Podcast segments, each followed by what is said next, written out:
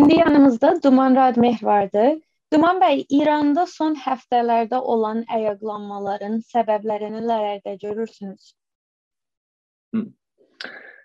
E, bir cümlədə desəm, bir kəlmədə desəm, səbəb narizayətidir.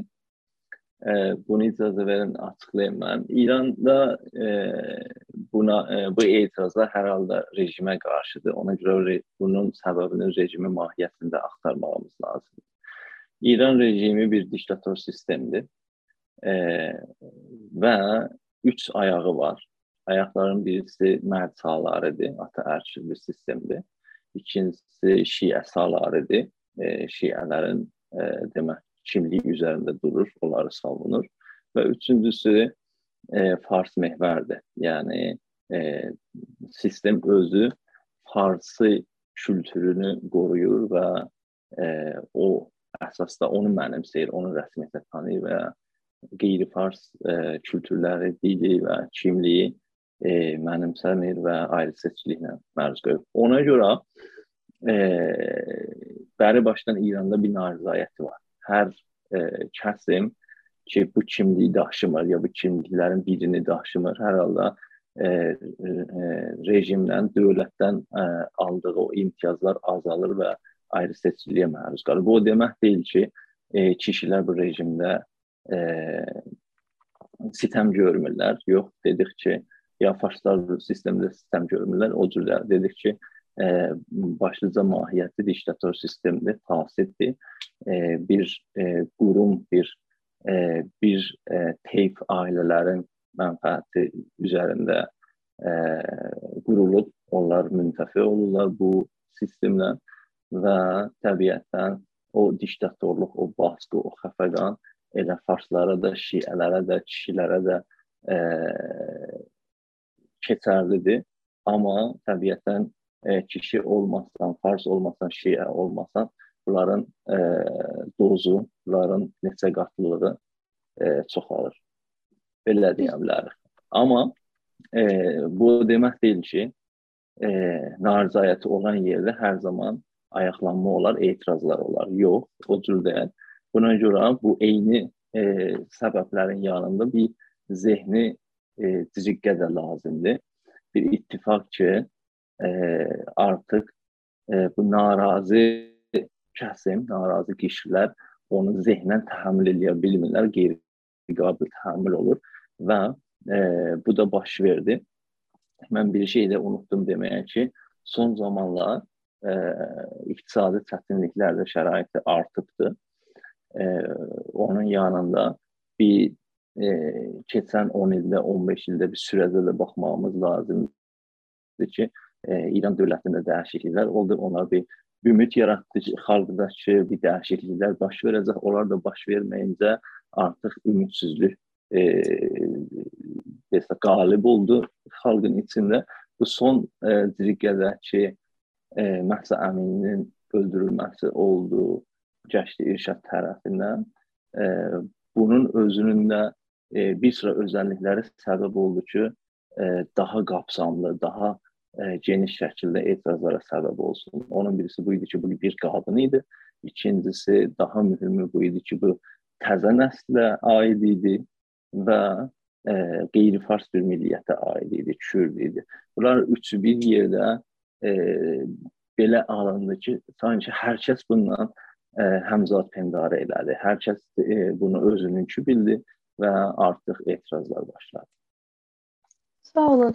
Bu ə, ayaqlanmalar İrandakı gələcək ə, siyasi durumu necə ə, etkiləyəcəkdir, nələr gözləyirik və ə, özəlliklə ə, İrandakı indiki oppozisyondan bir çıxış yolu gözləmək mümkünmü? Təbiətən bunun öz e, tarixi etkisi olacaq İran toplumunda, hakimiyyətdə və oppozisyonda. Bu danılmazdır. E, ən başlıca etki e, məncə bu olacaq ki, e, artıq bu nəsl ki, ələn xiyabanlarda diqqət etsəydiniz, e, bu etirazlardan qabaq o nəslə baxış o qədər də yaxşı deyildi siyasilər tərəfindən. Sorumsuz bir nəsildir, təşəkkürlənmir, hizblərdən, partilərdən qaçışdadır olunan mübtəzəl musiqilərə qulaq asır və və və s. Bu cəryanlar, bu etirazlar ki, bu Z quşağı, Z nəsli e, meydanda olmaqla indi cəryandadır. Bu e, bu baxışı bu nəslə dəyişdi. Artıq bundan sonra həm opozisiyon, həm e, hakimiyyət bu nəslə başqa bir ehtiramla yanaşacaq. Bu nəslin istəklərinə e, daha e, diqqətli olacaq və çalışacaq ki, onları daha özünə tərəf çəksin, özünə mənimsəsin. Bu e, bəri başdan bir olacaq. Amma bu ki, bu etirazlar bir yerə çatacaq ya çatmayacaq. E, indilik buna nəzər vermək biraz çətindir. E, çünki e, bir bir etirazların, bir e, hətta inqilab səviyyəsində bir etirazların e, sonuca çatmasına e, liderlik lazımdır. E, partiya lazımdır, sazman lazımdır və ümumi səfərbərlik lazımdır. Bu gün ümumi səfərbərlik nisbi halda var. E, nisbi deyirəm çünki bundan daha qat-qat ola bilər. E, amma hələlik rəhbərlikdən və e, sazmanlardan bu dəqiqə e, söz getmir ortada. Yəni bir alternativ olaraq e, bu hakimiyyət gedə, gedərsə yerinə kim gələcək hələlik e, bir şey danışılmır. Yəni e, sözü yoxdur belə. Ona görə e, sonuca çatacaq ya çatmayacaq hələlik e, demək çətindir. Bir başqa nüqtə ki demək olar budur ki, bu son e, demək olar dönəmdə, 5 illik dönəmdə bir alternativ olaraq e, medialar tərəfindən, opozisiyon tərəfindən Şahın oğlu Pəhləvi daha e, birinci alternativ kimi qaldırılırdı və e, təbliğat gedirdi üzərində. Bu etirazlarda onlara aid olan şüarların səslənməməsi e, maraqlıdır ki, onlara da bir cavab oldu. Yəni bir dönüş nöqtəsi də o ordadır. Artıq bundan qabaqki kimi təsəvvür e, belə təsəvvür olurdu ki, birinci alternativ Şahın oğludur, çünki Batı dəstəkləyir, Batı mediaları dəstəkləyir, mediadadır. Amma e, meydanda olan xalq tərəfindən e, buna bir yox deyildi bu cəryanlarda. Və o da bir cəhətdən ki, bu e, etirazların sonuca çatması üçün bir lider gərəkir.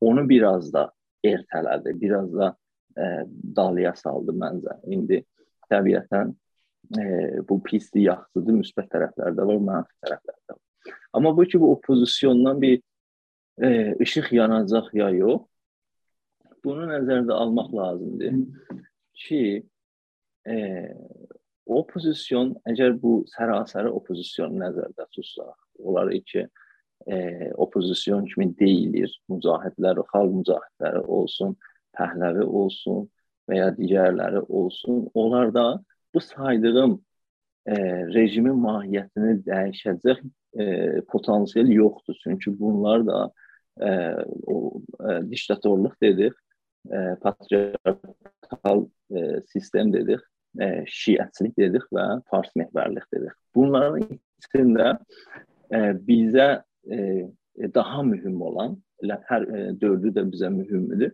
Amma bizə e, e, e, belə əlavə olaraq mühüm olan e, bu fars mehvərlikdir. Bu opozisyonlarda onu dəyişəcək bir e, bir söz, bir slogan, bir heç bir e, indiyəcən aktivitə biz görməmişik. Ona görə əgər onlar gəlirlərsə e, bizə görə e, bu cəhətdən bir çox dəyişiklik olmayacaq.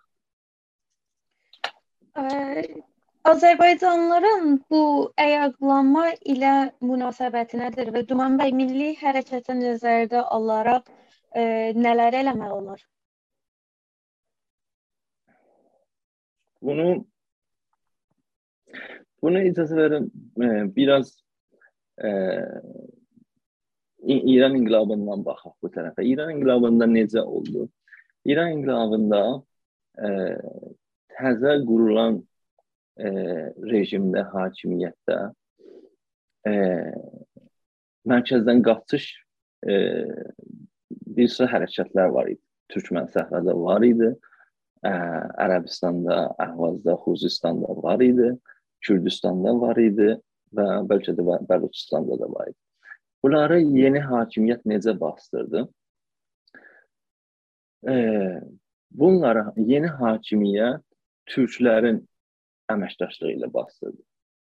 O zaman e, sol düşüncə və İslami düşüncə qabarıq olduğu üçün e, türklər daha çox bunları öndə tutaraq, bunları rəhbər tutaraq e, yeni hakimiyyətdə əməkdaşlıqda bulunaraq o etirazları bastırdılar.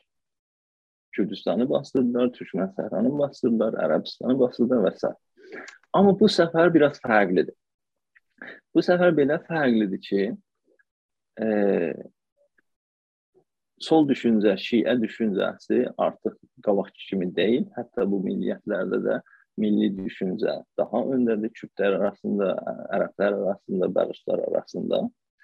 Və əgər bir bundan sonrakı rejimdə türklər yenə də e, mərkəzin yanında dursalar, təbiətən bu hərəkətləri yenə bastıracaqlar və eyni ssenariyo təkrar olacaq. Amma əgər türklər e, milliyyətlərin yanında, qeyri-fars milliyyətlərin yanında dursalar, təbiətən mərkəzin gücü bunlara çatmayacaq və onda bir dəngə yaranacaq. O dəngədən daha demokratik bir sistem ortaya çıxa bilər. Bu onu deməkdir ki, türklər təyin edici gücdülər və bu türklərdə milli hərəkat dediyimizdə bu dediyimiz dəncəni, yəni bu dediyimiz bir e, siyasi konjünktürü dəyişə biləcək bir e, potansiyalə sahib. İndi bunu başaracaqmı, başarmayacaqmı? Bu ayrı bir e, sualın cavabı ola bilər. Amma bu qədər təyin edicidir. Yəni başqa millətlərin taleyi də İranda demokrasi də e, e, etnik hüquqların, hüquqların əldə olması cəhətindən kamil bir demokrasinin e, baş tutması da İranda türklərin oynadığı rola bağlı. İndi bu buradan yola çıxaraq bu gün bu etirazlarda milli hərəkat necə davrandı sualına gəlsək, mən belə deyərdim. Milli hərəkatı gərək biraz burada tanımlayaq. Milli hərəkat dediyimizdə kimlərdir? Əgər e, biz görürük ki, şüarlar deyilir. Milli hərəkatın şüarları olan azadlıq, e, ədalət, milli hökumət aşağı yuxarı deyilir. Yəni təkcə şüarlardan, təkcə şüar deyil, amma önəmli şüarlardan birisidir. Yaxşı. Amma biz e, içəridən baxdığımızda, milli hərəkatın içindən baxdığımızda görürük ki, milli hərəkatın əsli bədənəsi bu e, etirazlarda aktiv deyil. Bu daha doğrusu milli hərəkatın həvadarlarıdır deyə bilərik ki, meydandadırlar. Təzə nəsildədirlər və Bəlkə milli hərəkətin bədənəsi ilə sistematik bir ilişkiləri yoxdur. Bəlkə istəyirsən bunlara milli hərəkətdən 3 nəfər ad adam e, siyasi məhbus sayıcına saya bilməzlər. Bəlkə məsələn e, desən e, qadın nədir, bilməzlər ki, qadın həmin xanımdır. Yaxşı, bunları yəni o e, mitinglərdə olan, etirazlarda olan e, mənim müşahidələrim. Yaxşı. Amma milli hərəkat niyə aktiv deyil burada? Bunun neçə səbəbi var. Birisi budur ki, baskı var. Milli hərəkat, hətta balaca şəhərlərdə milli hərəkətin e, milli hərəkətə mənsub üyələr tanınmışlar, baskı altındadılar, çağırılırlar, ə, hədələnirlər ki, qatılmayın. Bir, birinci amil budur. İkinci amil budur ki, milli hərəkat söyləm olaraq e, bugünkü etirazlarla o qədər yaxşı bağı yoxdur. Yəni əsas gücsüzlüyü də burdadır milli hərəkətin. Həm e, yeni nəsil olaraq bunlarla irtibat sağlamaqda çətinlik çəkir. Çünki klassik və bir cəhətdən də 1900-lərin əvvəlində olan e, millətçiliyə, milliyyətçiliyə dayanır. Əsas söyləmi budur, təəssüflə.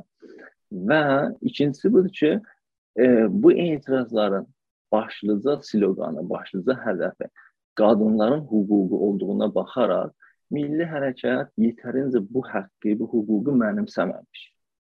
Mənimsəməmiş dediyimizdə, yəni bəlkə e, bu nəzərə gələr ki, məsələn, e, çoxlu bəyaniyələr çıxıbdı, nə bilim, qadın hüququna görə milli hərəkatın deyilib, amma e, bu demək deyil.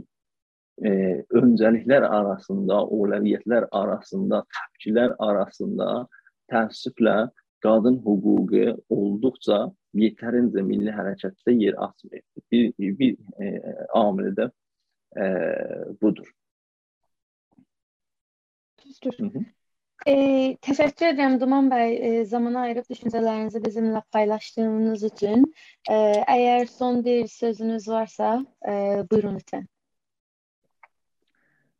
Bunu demək istərdim ki, milli hərəkat baxmayaraq indiki e, durumu e, bu etirazlara görə necədir? Amma e, çox böyük şansı var ki, bunu e, bu təzə nəsli əldə etsin bunun e, həm bu etirazda və həm də bu etirazlardan sonrakı e, başlayan dönəmdə e, bayaq işarə etdim ki, e, hər nə olur olsun bu etirazların sonucu e, yeni nəslə baxış dəyişiləcək. Milli hərəkat milli hərəkətdə də bu baş verməlidir. Yeni nəslə, yeni nəslin dəyərlərinə, yeni nəslən e, irtibat qoşmağa və özəlliklə yeni nəslə e, özünə çəkə biləcək bir söyləm özündə gəlişdirməlidir milli hərəkat. Bu da e, daha doğrusu insan hüquqlarıdır, demokrasidir, qadın hüququdur, cinsi azınlıqlardır, e, çevrəçilikdir və s. Və bunu e, yeni nəslin mənimsəyə bildiyi bir metodda, e, onlara çəkici gələcək bir metodda sunmağı şərtdir. Umarım ki, bunu başara bilək və e, milli hərəkətin İran demokrasisində hətta özü və başqa qeyri-fars milliyyətlərin hüququnu əldə edəcəyi e, edəcəyinə gərəkən rolu e, daha doğrusu daha düzgün və daha doğru yerinə yetirə bilsin. Təşəkkür edirəm, çox sağ olun. Xahiş edirəm.